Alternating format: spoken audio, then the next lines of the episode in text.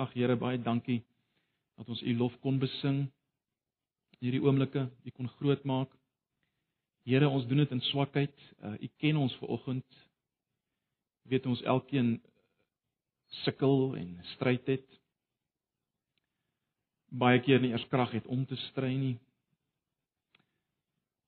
Maar dankie dat ons ver oggend na U kan kom. U die een wat vir ons 'n volkomme verlossing bewerk het deur wie ons toegang het tot die Vader met vrymoedigheid.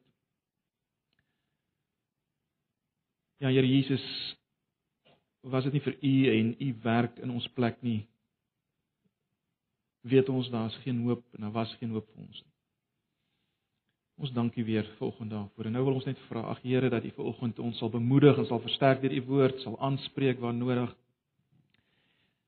En dat U in ons midde sal beweeg van stoel tot stoel en U werk sal doen tot eer en verheerliking van U self. Ja Here, ek wil saamstem vir elkeen wat vanoggend nie is op hierdie lang naweek nie. U naby hulle sal wees, die wat siek is, die wat swaar kry. Dat U ook vir hulle sal versterk en sal bemoedig in hierdie oggend. Asseblief, ons vra dit net in U naam, die naam bo alle name. Jesus Christus, ons Here. Amen. Maar goed, vanoggend kom ons blaai na Eksodus hoofstuk 15. Eksodus hoofstuk 15. Lede so uh, twee sonnige gelede het ons nog gekyk na die, die wonderlike hoofstuk 14, die verlossing uit die Rooi See en ek ek ek weet nie van julle nie, maar ek is net weer verras oor oor hoe relevant dit is vir ons in die res van die Nuwe Testament. Vanoggend Eksodus 15 en ek vertrou dat die Here ook uh, hierdie hoofstuk sal gebruik om met ons te praat al is dit in 'n sin baie ver weg van ons Ou Testamentiese bedeling mag die Here dit gebruik. Kom ons lees vanoggend net die eerste 21 verse saam. Ek lees die 83 eh, vertaling. Ek sal wel net nou verwys na ehm um, ander vertalings ook. Toe het Moses en die Israeliete die volgende lied tot eer van die Here gesing vers 1. Ek wil tot eer van die Here sing omdat hy hoog verhewe is, perd en strydwa het hy in die see geslinger. Die Here is my krag en my beskerming, hy het my tot redding gekom. Hy is my God, hom roem ek. Die God van my voorvaders, hom prys ek. Die Here is oorwinnaar in die stryd. Sy naam is die Here. Die strydwaans van die Farao en ook sy leer het hy in die see geslinger. Die keur van Egipte se offisiere is in die Rietsee gedompel.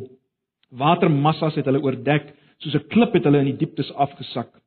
U regterhand, Here, gedig is sy krag. U regterhand, Here, verpletter die vyand. U is hoog verhewe, u vernietig wie teen u opstaan. U laat u toorn woed, dit verteer hulle soos skaf. Die wind het gewaai, die waters dam op. Strome staan reg op soos 'n muur, watermassas stol in die hart van die see. Die vyand sê, ek sal hulle vervolg en inhaal, ek sal die byt verdeel, ek sal my sin kry, ek sal my swaard trek, my hand sal hulle verslaan. U laat u wind waai, die see oordek hulle, hulle sink soos lood in die magtige waters. Wie van die gode is soos u, Here? Wie is soos u so hoog geëer en heilig? In lofsange word U vereer, bewerker van wonderdade. U het die regterhand uitgestrek, die aarde het die vyand ingesluk. Deur U trou het U die volk gelei wat deur U verlos is. Hulle deur U krag gebring na U gewyde land. Die volke het dit gehoor, hulle het gesidder. Angs het die bewoners van Filistia beetgepak. Die stamhoofde van Edom was verskrik. Die magtiges van Moab vreesbevange. Al die bewoners van Kanaan was lam geskrik. Vrees en angs het hulle oorval. U magtige dade het hulle laat versteen toe u volk deurtrek. Here toe die volk wat u u eie gemaak het deurtrek. U het hulle ingebring, u het hulle geplant op die berg wat aan u behoort. Here, u het 'n plek vir u troon voorberei. U hande, Here, het 'n gewyde plek gereed gemaak. Die Here regeer tot in ewigheid. Waarlik, toe die perde van die farao met strydwaans en bemanning die see ingegaan het, het die Here die water van die see oor hulle laat terugvloei, maar die Israeliete het op droë grond daardeur gegaan. Vers 20: Miriam, die profetes, suster van Aaron, het 'n tamboerijn gevat en al die vroue het met tamboeryne agterna geloop en gedans. Miriam het vir hulle voorgesing: "Sing tot eer van die Here, omdat hy hoog verhewe is, perd en ruiter het hy in die see geslinger." Lees uh volgende net so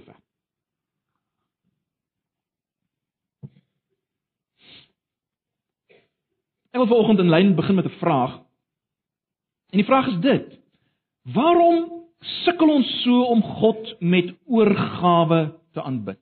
Waarom sukkel ons so? Dalk is dit van ons wat nie sukkel daarmee nie, maar ek dink meerderheid van ons sukkel om God werklik met oorgawe te aanbid. Waarom bars ons nie uit in liedere van lof as ons aan hom dink nie? As ons net aan hom dink, waarom bars ons nie uit in liedere van lof nie? En waarom leef ons nie lewens wat totaal oorgegee aan hom is nie? Meer nog, waarom is ons dikwels slap in ons Christelike lewens? Slap in ons stryd teen die wêreld, ons vlees, teen die Satan. Hoekom is daar so min ywer vir ons om om te veg teen die sonde in ons lewens en vir vreugde in ons lewens? Hoekom is daar so min daarvan? Wel, broers en susters, ek is oortuig dat ten minste een van die redes, ten minste een van die redes is dat ons nie altyd Bybels reg dink oor God nie. Nou ons het al baie oor hierdie onderwerp gepraat in hierdie lyn. Maar ek wil hê ons moet vanoggend weer hieroor besin. Ek sê weer die rede waarom ons nie uitbars in lof as ons aan hom dink nie, is waarskynlik een van die redes is omdat ons nie reg dink oor God op 'n Bybelse manier nie. Kyk, die wêreld rondom ons, die wat nog glo in God, as hulle aan God dink, spesifiek miskien God die Vader, dan dink hulle aan 'n ou witbaard man wat met niks eintlik tevrede is nie.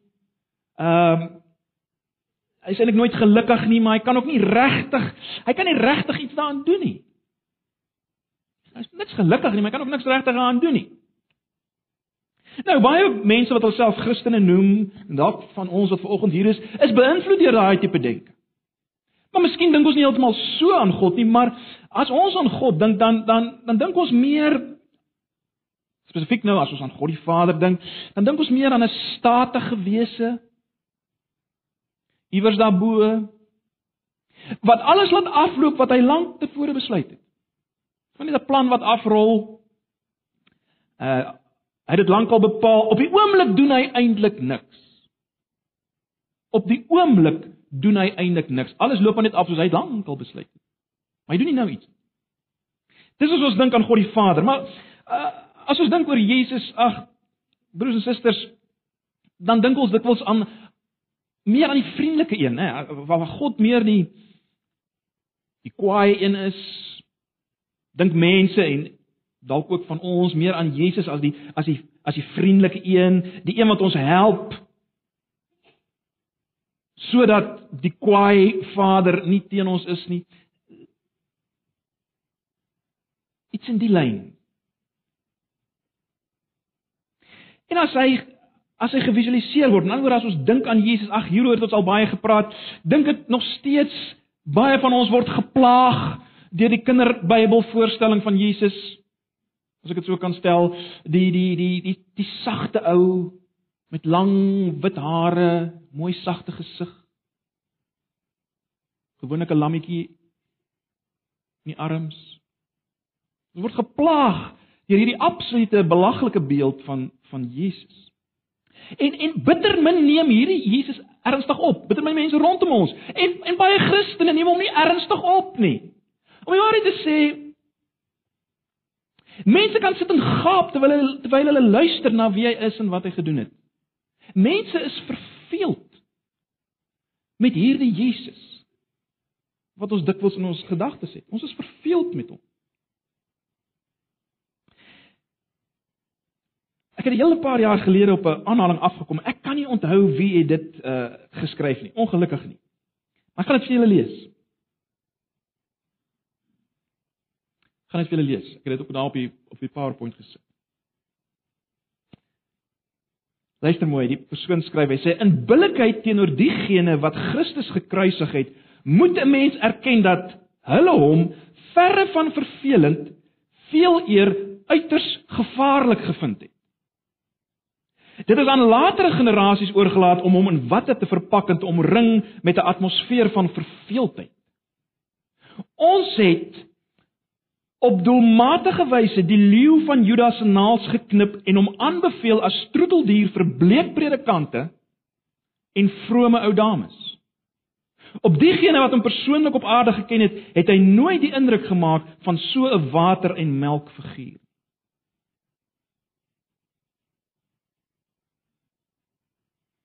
Verkeerde denke omtrent Jesus. Op aarde het hulle hom gevaarlik beskou. En ons sal net nou meer sien van hom. Maar maar miskien op hierdie punt vra jy, okay Jakobus, maar wat het alles met Eksodus 15 te maak? wat het alles wat jy nou sê met Eksodus 15 te maak? Wel broers en susters, ek is oortuig ons het God weer ons het, ons het weer nodig om God te sien soos Eksodus 15 hom uitbeeld. En ek dink Eksodus 15 vers 3 is 'n sleutel tot die verstaan van wie God is. Ek het julle 'n paar vertalings daar uh neergesit. Kom ons kyk daarna. En en en dit mag dalk as 'n skok kom wat hier letterlik staan. Dit mag dalk vir julle as 'n skok kom volgens. Bietjie vreemd.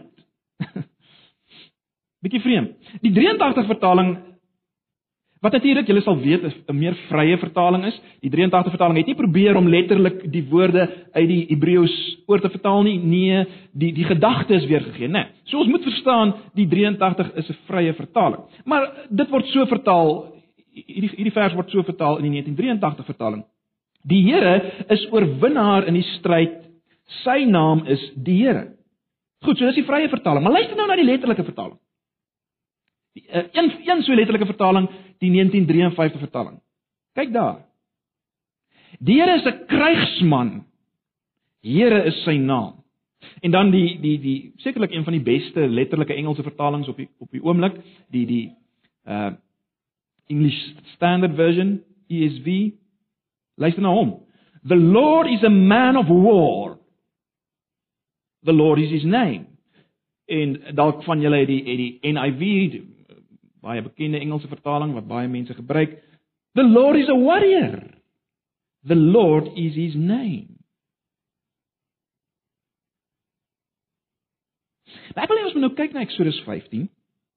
En en kyk wat ons hier sien of of as ek dit so kan stel, ek wil hê ons moet kyk wat ons sien en wat ons hoor by die historiese volk Israel. En dan moet ons onsself afvra, is dit wat ons ook moet raak sien? Is dit wat ook by ons is, is is dit wat by ons ook gehoor moet word? Dit wat ons daar by die historiese volk Israel hoor en sien. Met ander woorde, ons gaan dan kyk na die nuwe volk later. Ons gaan eers kyk na die historiese volk Israel En dan gaan ons kyk aan die nuwe volk Israel. So kom ons kyk na Israel. Israel hier uh nadat hulle deur die Rooi See was. Wat sien ons hier by hulle? Wel Wat was hulle reaksie op God se bevryding? Wat was hulle reaksie op God se bevryding? Wat ons sien broers en susters dat die die volk Israel se reaksie op God se bevryding is 'n lied, né? Nee, dis 'n lied. Kyk na vers 1 van hoofstuk 15. Ons het dit nou net gelees. Toe het Moses en die Israeliete die volgende lied tot eer van die Here gesing. Eksodus 15 vers 1. En dan net ook vers 20 en 21. Miriam, die profetes suster van Aaron, het 'n tamboerijn gevat en al die vroue het met met tamboeryne agterna geloop en gedans. Vers 21. Miriam het vir hulle voorgesing, sing tot eer van die Here omdat hy hoog verhewe is, perd en ruiter het hy in die see geslinger. So is baie duidelik wat ons hier kry in Eksodus 15 is 'n loflied, 'n lied wat gesing is, né? Nee, dis 'n lied. In reaksie op dit waarna ons twee sonna gelede gekyk het in hoofstuk 14. Baie belangrik, ons moet sien dat hierdie lied 'n uitvloeisel is van hulle geloof in God. Uh kyk net na vers 31 weer van hoofstuk 14. Hoofstuk 14 vers 31. Hoofstuk 14 vers 31.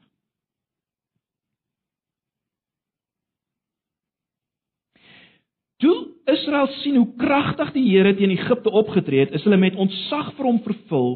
Hulle het in die Here geglo en ook in Moses sy dienskneg.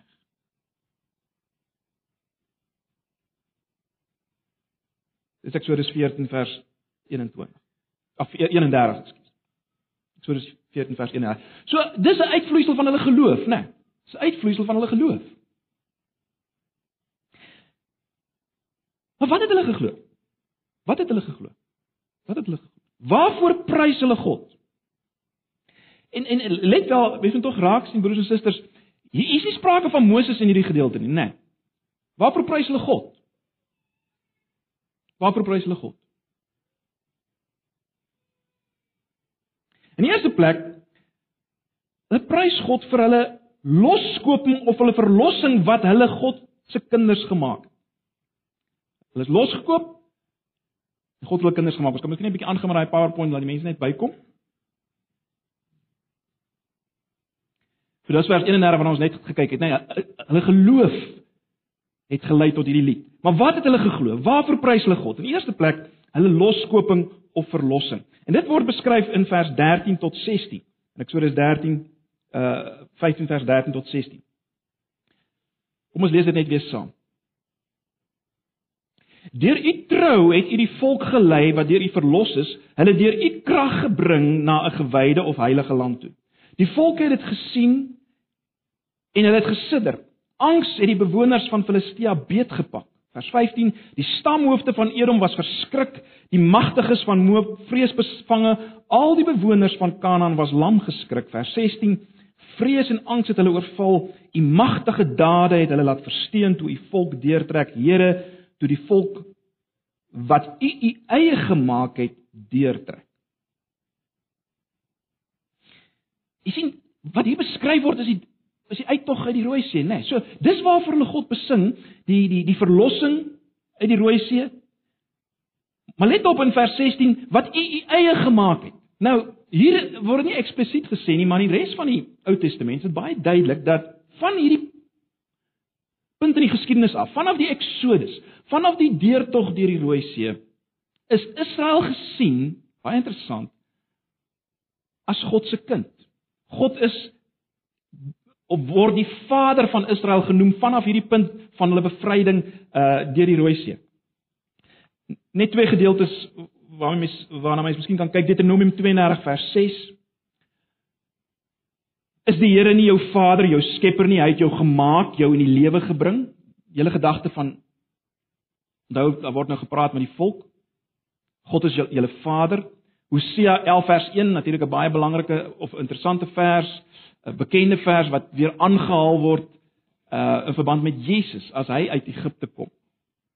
Toe Israel nog 'n kind was, het ek hom al lief gehad en ek het hom my en ek het hom my seun uit Egipte geroep. So wat ek net wil hê julle moet sien is waarvoor die volk vanuit hulle geloof in die God wat hulle verlos het, waarvoor hulle hom besing is, is die bevryding uit uit Egipte ja, maar ook die feit dat hulle nou sy kinders is, hy's hulle vader. Maar nou, watter eienskap spesifiek word besing? En dis belangrik dat ons dit sal raak. Julle het julle het waarskynlik opgemerk. Watter eienskap van God word besing? Nou reeds in hoofstuk 14, uh vers 31 sou julle opgelet het dat daar besprake is van die die krag van die Here. Nee, ehm um, die begin van vers 31 van hoofstuk 14. Toe Israel sien hoe kragtig die Here teen Israel opgetree het. Daar sien ons dit al. Maar kyk nou verder. Vers 2. Vers 2. Die Here is my krag en my beskerming. Die Here is my krag en my beskerming en dan gaan die lied aan uh daarom het my tot redding gekom. Omdat hy my krag en my beskerming is, kan hy my tot redding kom. Vers 2. Uh, ekskuus, dit was vers 2. Vers 6. U regterhand, Here, gedig in sy krag. Nou nou terloops die die die die Ou Testament praat baie van die regterhand, nê? Nee, die regterhand dui op die die die die die uitvoerende gesag. Dit wat jy jou regterhand is die ding wat die dinge kan doen, nê? Nee. Maar goed. U regterhand, Here, gedig in sy krag. Vers 6 en 7 en ook vers 11. U regterhand, Here, verpletter die vyand. U vernietig wie teen u opstaan. U laat u toorn woed, dit verteer hulle so skaf, bewerker van wonderdade. En dan net vers 14 tot 16, die volke het dit gehoor en hulle het gesidder, angs het die bewoners van Filistia beetgepak. Kyk na vers 15, die stamhoofde van Edom was verskrik. Die magtiges van Moab vrees bevange. Al die bewoners van Kanaan was lam geskrik. Vrees en angs het hulle oorval. U magtige dade het hulle laat versteen toe u volk deurtrek. So wat word besing broers en susters? God se krag wat tot aksie oorgaan. God se krag wat tot aksie oorgaan word besing. sien julle dit? Baie belangrik. Nie net sy krag nie, maar sy krag wat tot aksie oorgaan.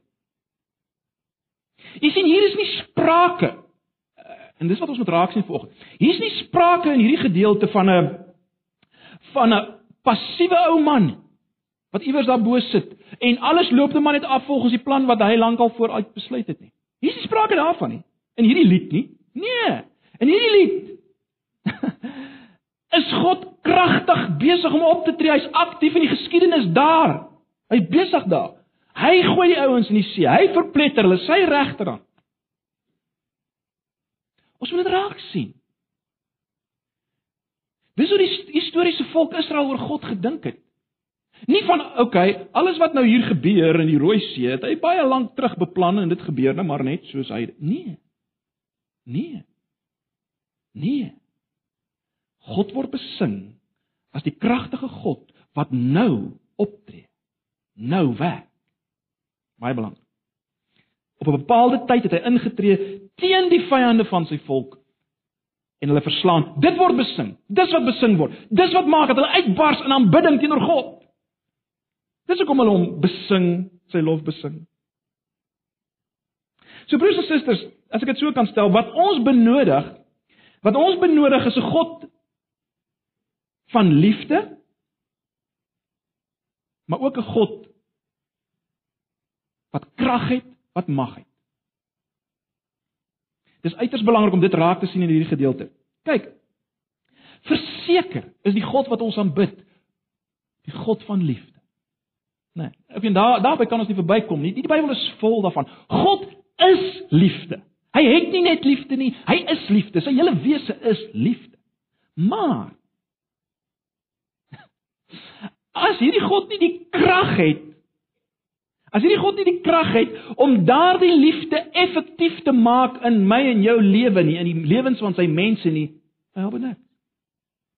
Jy hoor wat ek sê? Dit help nie ons bely, ja God is liefde. Maar hy het nie die krag om my regtig lief te hê. Ek is nog steeds oorgelewer aan alle aan die Satan en aan mense en ander magte. Jy sien dan is sy liefde ook nie veel werd nie, né? Wat sou gebeur het as God nie die krag gehad het en dit uitgeoefen het tydens die Exodus nie? En later in die in die Babiloniese ballingskap. Ek meen as die, as die as die Babiloniërs alleen in beheer was, wat sou dit gehelp het om van God se liefde te sing?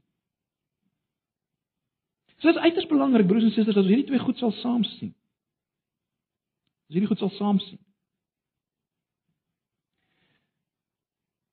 En wat hier op die voorgrond is in Eksodus 15 is die feit dat God besing is, aanbid is vir sy krag.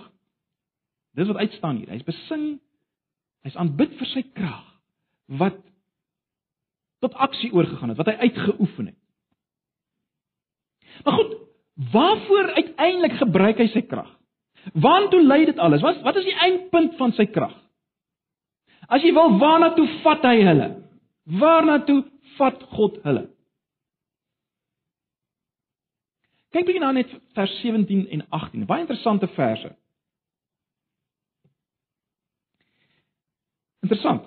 Vers 17: U het hulle ingebring, u het hulle geplant op die berg wat aan u behoort. Here, u het 'n plek vir u vir u troon voorberei. U hande, Here, het 'n gewyde plek gereed gemaak.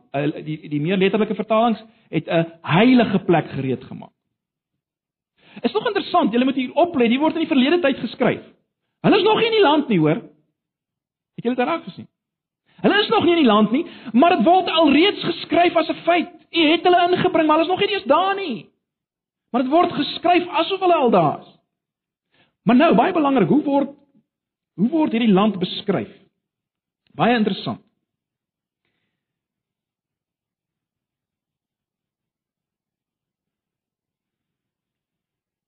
U het hulle geplant op die berg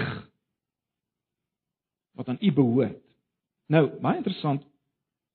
In die in die antieke ou nabye ooste is berge gesien as die plekke waar die gode woon. Nou, hierdie hele land waarna toe hulle gaan en wat hier al beskryf word asof hulle daar is, word beskryf as die berg van die Here. Met ander woorde, die plek waar hy woon. Dis waarna toe hy op pad is met hulle. So God gebruik al sy krag om hulle te vat na die plek waar hy woon, wat syne is. Nou in die geheel prentjie broers en susters wat ons moet raak sien is God is op pad terug na Eden toe. En in die volk Israel wys hy dit al. Hy gaan hulle in 'n nuwe Eden bring. En as jy nou later by Deuteronomium kom eh, en jy lees oor hierdie land, dan sien jy hierdie land word uitermate geïdealiseer. Ja, dis 'n ongelooflike land wat net oorloop van melk en honing terloops die kos van gode. Uh, dit is 'n wonderlike land. Dis waarna toe God op pad is. Na sy woonplek, 'n nuwe Eden, 'n plek waar hy sal woon. En interessant, dit word al geskryf asof dit klaar gebeur het, dit het nog nie gebeur. Maar as gevolg van sy krag wat hy nou gewys het, is dit seker, is dit feitelik seker dat hy die mag het om hulle daar te bring. Hy het dit nou gewys, hy het dit in toon gestel. So God is op pad met Israel na 'n uh, 'n nuwe Eden as jy wil. Nou goed. Dit was nou die die volk Israel. Dis wat ons by hulle sien, wat ons by hulle hoor. Kom ons kom nou by die nuwe volk. Ons. En die eerste ding wat ons moet raak sien is dit. Ons moet dieselfde lied sing. Ek wil julle 'n bietjie blaai na Openbaring hoofstuk 15. Ek weet nie of julle dit al raak gesien het. Openbaring hoofstuk 15. Nou net baie vinnig weer Openbaring gee vir ons klomp prentjies uh wat elke keer eintlik dieselfde tydperk dek 'n bietjie bietjie ander deel word ingekleer van hierdie prentjie om vir ons te wys wat is werklik die gelowiges se posisie Al lyk dit asof hulle vergaan, hulle swaar kry en vervolg word, wie se beheer, hoe lyk dit en so meer. So dis wat ons kry in Openbaring. So hier's nog so 'n prentjie in Openbaring 15. Maar maar luister 'n bietjie, baie interessant. Kom ek lees maar vanaf vers 1. Toe het ek 'n ander groot en wonderbaarlike teken in die hemel gesien, dis nou Johannes. Ek het sewe engele gesien wat die sewe laaste plaag bring, daarmee die toorn van God sy einde bereik. Vers 2 van hoofstuk 15. En ek het iets soos 'n spieelgladde see met vuur daarin gesien Die mense wat die oorwinning behaal het oor die dier en sy beeld en die getal van sy naam het by die spieelgladde see gestaan met sieters wat hulle van God gekry het. Nou, baie belangrik, hierdie mense waarvan jy gepraat het, die ouens wat die oorwinning behaal oor die dier en sy beeld en wat nou hier staan met sieters wat hulle van God gekry het. Dis maar net 'n in beeldtaal wat Johannes sien. Dis maar Christene, as jy dit eenvoudig wil stel. Dis 'n beeld van hoe lyk gelowiges. Alraai? Hy sien gelowiges, hy sien Christene daar. En nou vers 3. Dis vir my interessant. Dis waarskynlik bloot toevallig hoor, maar is interessant is nou Openbaring 15 vers 3. Ehm uh, waar ons net nou na na Eksodus 15 vers 3 gekyk. Maar goed. Kyk na vers 3. Wat sing hulle? Hulle sing die lied van Moses. Dit wat ons nou gekyk het. Hulle sing die lied van Moses, die dienaar van God. Dit is ook die lied van die lam. Dis ook die lied van die lam. So dit wat die volk gesing het daar in Eksodus 15 broers en susters, is ook die lied wat gelowiges gesing en moet sing. Dis ook die lied van die lam. Groot en wonderbaarlik is U daar. Ek gaan aan in vers 3. Groot en wonderbaarlik is U daar, Here, God Almagtige, reg en betroubaar is U optrede, koning van die nasies. Vers 4. Wie sal U nie vrees nie, Here, en U naam nie verheerlik nie? U alleen is heilig. Al die nasies sal kom en U aanbid, want hulle sal sien dat U handelwyse regverdig is. Maar goed, die punt is ons sing en ons moet sing dieselfde lied. En en dis nie vreemd nie, né? Nee. In die lig van wat ons twee Sondae gelede gesien het. Onthou julle, ek het vir julle gesê en uitgewys dat dis baie duidelik dat God wil hê dat sy kinders deur die eeue moet die Rooi See verlossing as te ware weer proe en beleef. Onthou julle ons het dit gesien, as hulle by die Jordaanrivier kom uiteindelik, dan dan is dit baie duidelik hulle moet daar gebeur dieselfde as by die Rooi See. Hulle moet weer beleef dat hulle bevry word soos by die Rooi See. As hulle in Babilonië sit in ballingskap, dan word daar gepraat oor hulle bevryding in terme van die Rooi See bevryding. En baie interessant ons gesien in 1 Korintiërs 10 dat ons doop gee vir ons as te ware 'n tasbare belewing van ons bevryding soos uit die rooi see uit vanaf 'n ou lewe na 'n nuwe lewe. 1 Korintiërs 10, onthou julle dit. So, dis nie snaaks dat ons ook dieselfde lied moet sing nie, want want die Bybel wil hê ek en jy moet weer en weer beleef en as te ware aan ons lyf voel dat jy is bevry uit die rooi see uit. Uit die ou deur die rooi see. Van die ou van die ou bestaan oorgebring na 'n nuwe bestaan. En daarom is dit nie snaaks dat ons ook die lied van Moses moet sing. Die lied van Moses wat sy grootheid besing. Mens kry ook elders in die in die Nuwe Testament hierdie klem op op die lof wat ons moet besing. Hebreërs 13 vers 15. Uh, laat ons dan onophoudelik deur Jesus aan God 'n offer van lof bring. Die lof wat hom gebring word deur die lippe wat sy naam bely. Openbaring 5 vers 13. Die hele skepping.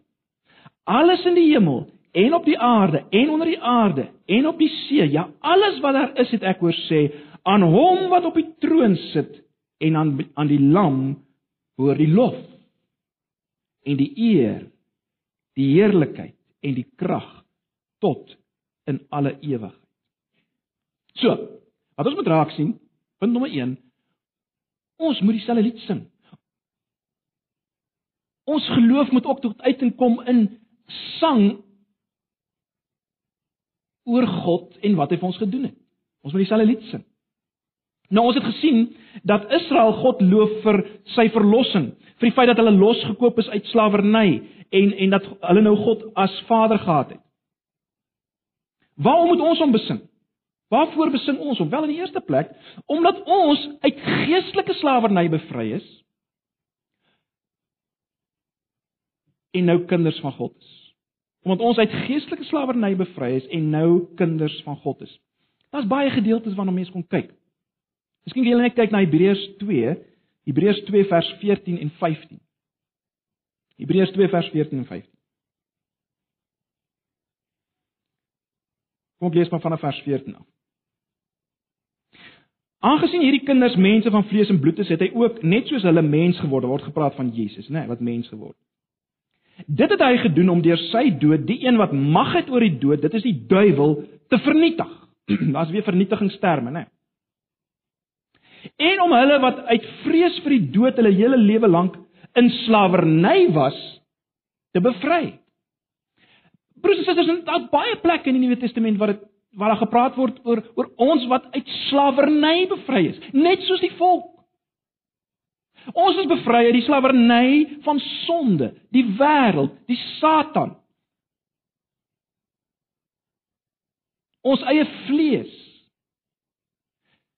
Ons was in slawerny, met ander woorde, ons was nie vry om vir God te leef nie. En ons verlossing behels 'n uitbring uit daai slawerny uit. Dis dis dis wat Christen wees behels. En ons is losgekoop sodat ons kinders van God kan word. Galasiërs 4 vers 5. Galasiërs 4 vers 5. Maar toe die tyd wat God daarvoor bepaal het aangebreek het, het hy sy seun gestuur. Hy is uit 'n vrou gebore, van van sy geboorte af was aan die wet onderworpe. Hoekom? om ons wat aan die wet, wet onderworpe was los te koop, los te koop van die slawerny van 'n wettiese lewe sodat ons as kinders van God aangeneem kan word.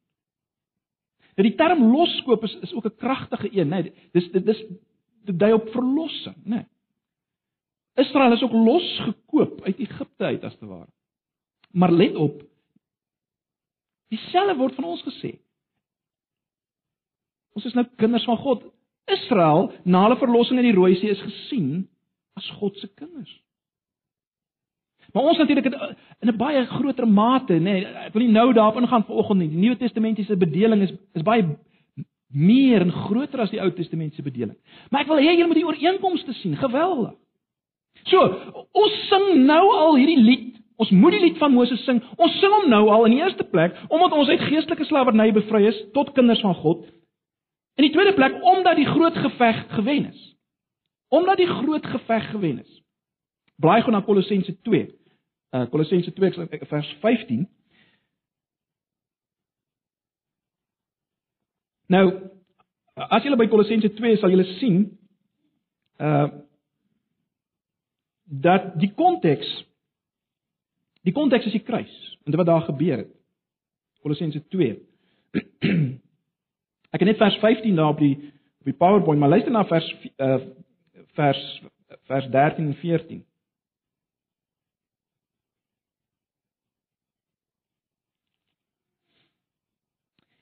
Vers 13: Julle was dood deurdat julle gesondig het en deurdat julle sondige natuur nog nie weggeneem was nie. God het julle egter saam met Christus lewend gemaak deurdat hy al ons sondes vergewe het. Vers 14: Hy het die skuldbrief met sy eise teen ons tot niet gemaak deurdat aan die kruis vas te spyker, het hy dit vergoed weggeneem. Dis wat aan die kruis gebeur. So die die kruis is daar ter sprake. My en jou sonde. Dit wat op ons rekening staan. Het hy vasgespyker in die kruis. Dit uitgedelg, dit opgevrommel, dit weggegooi, om nooit weer daaraan te dink nie. Dis wat aan die kruis gebeur, dit volkomme verlossing. Maar dat meer as dit gebeur aan die kruis.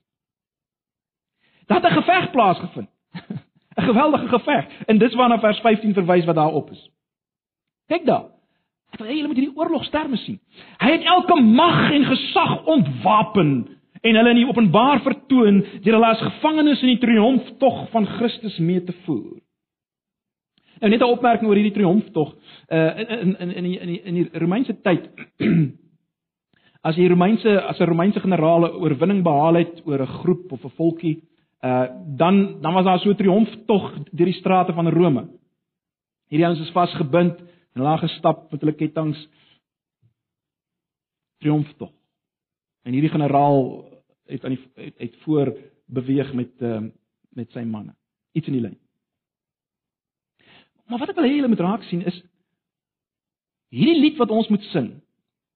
Ons ons sing dit omdat ons uit slawerny bevry is tot kinders van God En omdat hy 'n absolute oorwinning behaal het op aan die kruis oor die Satan en sy mag, alle magte. Dis hoekom ons hom besing. Omdat hy aktief aan die kruis magte verslaan het. Dis hoekom ons hom sy lof besing. Maar is nog 'n rede waarom ons vir hom sing en dit is omdat hy ons elke dag laat deel in die oorwinning, omdat hy elke dag ons laat deel in sy oorwinning. Blaai bietjie na 2 Korintiërs 2 vers 14. 2 Korintiërs 2 vers 14. Ek wil julle met hierdie terme raak sien, hoor.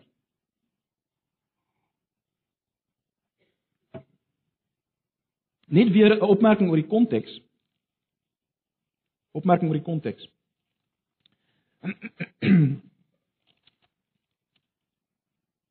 In 2 Korintiërs 2 uh 2 Korintiërs 2 uh vers 12 praat Paulus van 'n uh, van 'n deur wat die Here hom oopgemaak het om die evangelie te verkondig. Alraai, so dis die dis die konteks. Hy sê toe ek in Troas gekom het om die evangelie van Christus daar te verkondig, het die Here die deure vir my wyd oopgemaak vers 12. En dan in vers 14 maak Paulus hierdie uitspraak. Maar God se dank, aan God die dank. Hy voer ons altyd saam in sy, daar's weer dieselfde woord, triomf tog omdat ons een is met Christus. Deur ons versprei die kennis van Christus oral soos 'n aangename geur. So, die konteks is die Here het 'n deur oopgemaak vir Paulus. Daar, histories, in tyd het hy 'n geleentheid vir Paulus gegee vir die evangelie. En na aanleiding daarvan sê hy, die Here voer ons altyd mee in sy triomftog. So met ander woorde, hy maak deure oop nou hier en nou, maak hy deure oop in Pretoria Wes. Hy doen dinge. Hy voer ons saam in sy triomftog.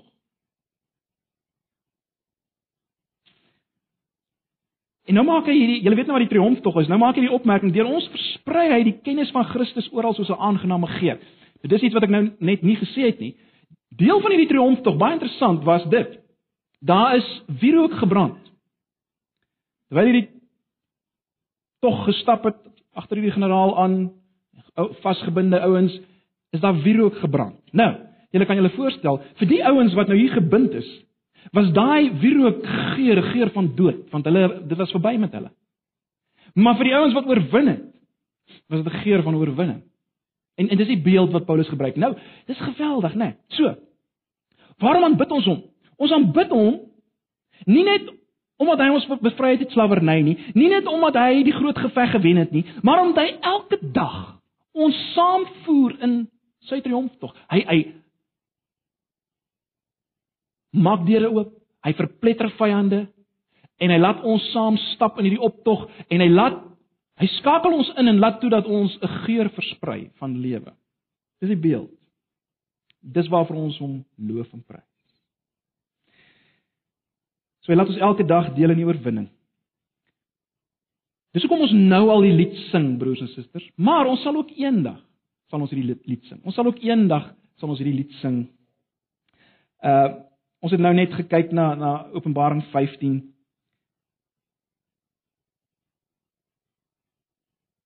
Die lied wat gesing word vir sy oorwinning. Maar broers en susters, baie belangrik, daar gaan ook 'n finale oorwinning wees. Waaroor ons hom tot in alle ewigheid waarvoor ons hom tot in alle ewigheid gaan besing, sy lof gaan groot maak. Iets daarvan word beskryf in Openbaring 19. Openbaring 19 vanaf vers 11. Ons moet nie hulle so intoe blaai Openbaring 19 vanaf vers 11. Kyk net weer hoe word beskryf. Kyk hoe word dit beskryf. Vers 11: Toe het ek gesien die hemel is oop. Daar was 'n wit perd. Sy ruiter word die getroue en die betroubare genoem. Let, let nou op hier. Met regverdigheid oordeel hy en voer hy oorlog. Hy is dieselfde God van Eksodus 15 vers 3. Ons kry nie in die Nuwe Testament 'n makker een nie. Vers 12. Sy oë het soos vuur gevlam en op sy kop was daar baie heerserskrone. Daar was 'n naam op hom geskrywe wat niemand anders ken nie, net hy self. Vers 13. Hy het klere aangetree wat met bloed deurweek was en sy naam is die woord van God. Baie duidelik Jesus. Vers 14. Die leers in die hemel. Die leers in die hemel het op wit perde agter hom aangery. Hulle het fyn helder wit klere aangetree. Vers 15. Uit sy mond het daar 'n skerp swaard uitgekom om die nasies mee te tref. Hy sal hulle met 'n eystersepter regeer. Hy sal self die parskyp trap vir die wyn, die wyn van die toren en die oordeel van God die Almagtige. Weerens 'n beskrywing van die laaste geveg wat hy aktief aan deelneem en wen. Dit loop nie net af nie. Dit gebeur nie van self nie. Hy tree aktief op. En daarom is hy aanbiddingswaardig en sal hy tot in alle ewigheid aanbiddingswaardig wees. Dis waarvoor ons hom gaan besing. Maar goed, ons het gesien waarna toe vat hy die volk Israel? Waarom het hy hulle bevry? Waarom het hy sy krag tentoon gestel? Wel, waarna toe vat hy ons? Waarna toe vat hy ons? Ag, daar's baie gedeeltes in Openbaring wat ons kan lees. Ons weet dit. Toe het ek 'n nuwe hemel.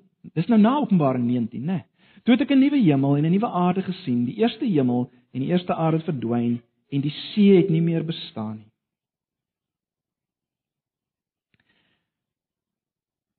Toe ons gekyk het na Israel en waarna toe die Here hulle gevat het.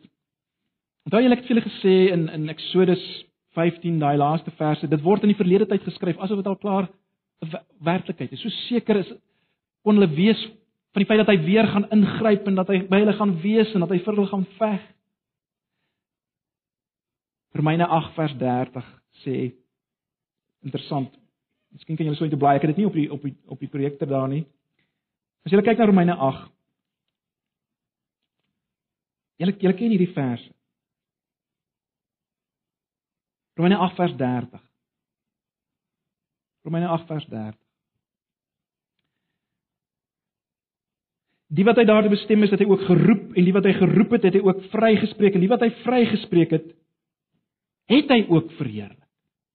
Ons verheerliking word in die verlede tyd beskryf. Dit is al klaar. 'n Sekerheid. Hoekom? Omdat hy die kragtige God is wat vir ons geveg het en gaan veg en sal veg. En daarom sal ons die nuwe hemel en die nuwe aarde beleef. Ag broers en susters, kom ek sluit af met 'n paar implikasies. 'n Paar opmerkings.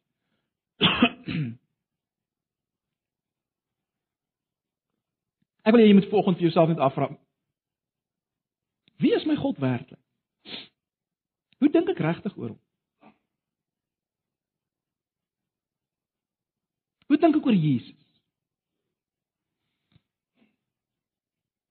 Broers en susters, hoe ons oor God dink het 'n geweldige invloed oor oor oor oor wat in ons harte aangaan vir hom. Of ons hom wil besing of nie. 'n Onaktiewe God wat iewers ver is. Nie eens iets kan doen nie. Dit is baie moeilik om so God se lof te besing en opgewonde te raak oor hom. Baie moeilik. So daarom wat wat ek wil pleit vanoggend en ek sê dit vir myself in die eerste plek, broers en susters, ek en jy moet doelbewus alle vals beelde van God uit ons gedagtes uitweer. Moet dit uithaal en ek en jy moet weer begin om te mediteer, met ander woorde te dink, te dink, te dink oor God, sy krag, wat hy gedoen het vir ons, wat hy besig is om te doen, sien begin dit raak sien. Hy veg vir jou op die oomblik. Hy veg, hy hy hy oor hy, hy behaal oorwinnings vir die koninkryk. En ek dink ons het iets daarvan beleef nou met die kamp in Pretoria Wes, dis 'n werklikheid, dis 'n werklikheid. Ag, ek het al so baie daaroor gepraat, ek wil dit amper nie weer noem nie, maar ons dis hoekom ek dit nie weer die teks daar opgesit het nie. Ons ons ons ken nou al Openbaring 5. Ek is so lief vir daai gedeelte. Maar ek wil dit net weer noem. Jesus word daar uitgebeeld as die leeu en die lam. En broers en susters, dis so belangrik dat as ons dink aan ons God en aan Jesus dat ons daardie beeld in gedagte sal hou want dit vat God se karakter absoluut pragtig saam, is dit nie? Aan die een kant is hy die lam. Die klem op sy liefde, sy sagtheid. Hy was bereid om geslag te word vir ons uit liefde. Hy's die lam aan die een kant. Maar aan die ander kant is hy die leeu. Hy's die leeu. Hy's die leeu wat deur daardie selfde daad waar hy gesterf het soos 'n lam, deur daardie selfde daad het hy as leeu die vyand verslaan. Hy's besig om hom te verslaan elke dag. Hy gaan hom finaal verslaan eendag. Hy's die leeu. Hy's die leeu. Met ander woorde, Ek sê dit weer, ek het al baie gesê. Hy het absolute liefde vir jou, vir jou swakheid, vir jou gebrokenheid. Dis wat ons wil hê. Ons wil iemand hê wat wat wat wat medelee het met ons swakheid en ons gebrokenheid, een wat sag is, sag is en vol liefde is en en en en die dowwe lamp het nie uitdoof en die geknakte riet nie breek nie. Ons soek so een, ons soek so een. Hy is dit. Maar hy's meer as dit. Hy het ook die krag om jou te beskerm van die bose. Hy het die krag om jou vyande te verslaan.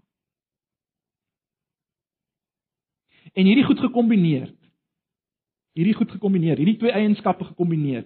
Liefde en sagtheid, krag en mag maak hom natuurlik absoluut aanbiddingswaardig, né? Nee. Want dis wat dis wat ons eintlik soek. Elkeen van ons soek eintlik dit om te aanbid, né? Nee. Aanbid die sterk ouens. Ons ons ons ons ons wil hulle groot maak. Maar ons ons ons mooiheid en sagtheid was nog altyd iets waaroor ons wil sing, né? Ons wil sing daaroor, ons wil praat daaroor. Maar hierdie goed is gekombineer in Jesus, mag en krag en liefde. En daarom is hy absoluut aanbiddingswaardig. Dis ons God. Mag die Here ons help om meer so oor hom te dink. En dan laastens Hoe lyk ons Christelike lewe of jou Christelike lewe? Kyk, ons het al baie vir mekaar gesê in hierdie gemeente, Ons moet al meer soos Jesus word. Of as jy wil soos ons moet al meer God se beelddraers word. Ons moet soos soos Jesus begin word. So dit beteken dat ons ons Christendom gaan 'n stryd wees en 'n geveg waarin ons moet veg. Julle almal ken Efesiërs 6. Dis ook maar ek ook nie daar uitgeskryf het nie. Efesiërs 6 waar ons Christelike lewe beskryf word as 'n worstelstryd, let wel. Ons worstelstryd sê Paulus is nie teen vlees en bloed nie, maar teen die owerhede, die magte, die bose geeste in die lig. Al die magte en kragte wat wat aan ons leuns verkoop oor God en wie hy is en hoe God oor jou dink. Ons stryd is teen hulle. Leuns oor wat geluk is, Leuns oor hoe 'n man moet wees, leuns oor hoe 'n vrou moet wees, leuns oor hoe 'n tiener moet wees. Die duiwel en sy magte verkoop dit aan ons. Ons stryd, ons worstel stryd elke dag. Dis teen hierdie magte. En nou is dit baie interessant in Efesiërs 6 vers 10 en 11. Sê Paulus en hier is die vertaling, vertaling is hier nogal weer belangrik, hoor. Die nuwe vertaling sê trek dan die volle wapenrusting aan wat God julle gee. Maar die letterlike vertaling is dit: Trek die volle wapenrusting van God aan. Trek die wapenrusting van God aan. Jy sien dis dis die wapenrusting wat hy self aantrek. En dit is interessant. As jy nou gaan na die Ou Testament toe in Jesaja, waar daar vooruitgekyk na die Messias wat gaan kom en dan waar waar daar van hom gesê, hy het die gordel van geregtigheid aan en en die en die borswapen aan en so mee. Jy sien? Die geveg wat hy voer op die manier wat hy dit voer, in sekere sin is dit die geveg wat ons moet voer. Ons moet hom en ons het daaroor al gepraat wie hy is en wat hy vir ons gedoen het, sy volmaakte werk, moet ons ons moet dit as te ware aantrek as panserdrag in ons stryd. Ons moet in dit leef en dit bedink. Maar belangrik broers en susters, ons het 'n stryd. So wat ons vanoggend moet hoor is dit, ons God is 'n God van stryd.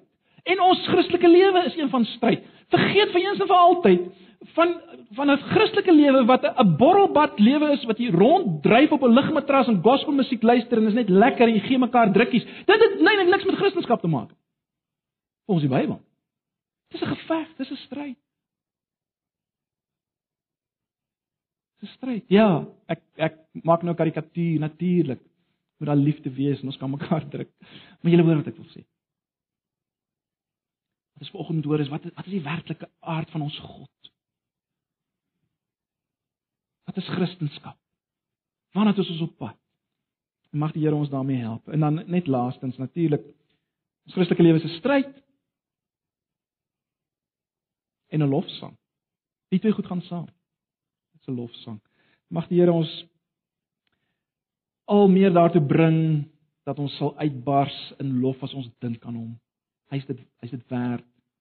En soos ons stry in ons eie lewe teen sonde en die Satan en die vlees en hy ons help en hy ons saamvoer in sy triomftog dat dit al meer sal lei tot lof en aanbidding.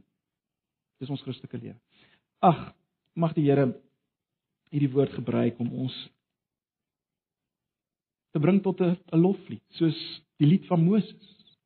Dat ons die lied van Moses werklik sal sing, broers en susters, vanuit ons harte. Kom ons sit net so en bid ons saam. Ag Here, baie dankie vir u woord. Dankie dat ons maar net weer kan sien dat u woord is relevant al is ons besig met 'n was ons vanoggend besig met 'n lied wat gesing is baie baie baie jare gelede in 'n ander wêreld, ander omstandighede. Is u nog dieselfde? En u wil hê ons moet u aanbid vir u krag. Ag Here, ek wil bid dat u ons daartoe sal beweeg deur die werking van u Gees, al meer en meer ook in hierdie gemeente. Help ons om reg te dink oor u. Asseblief, ons vra dit in Jesus se naam. Amen.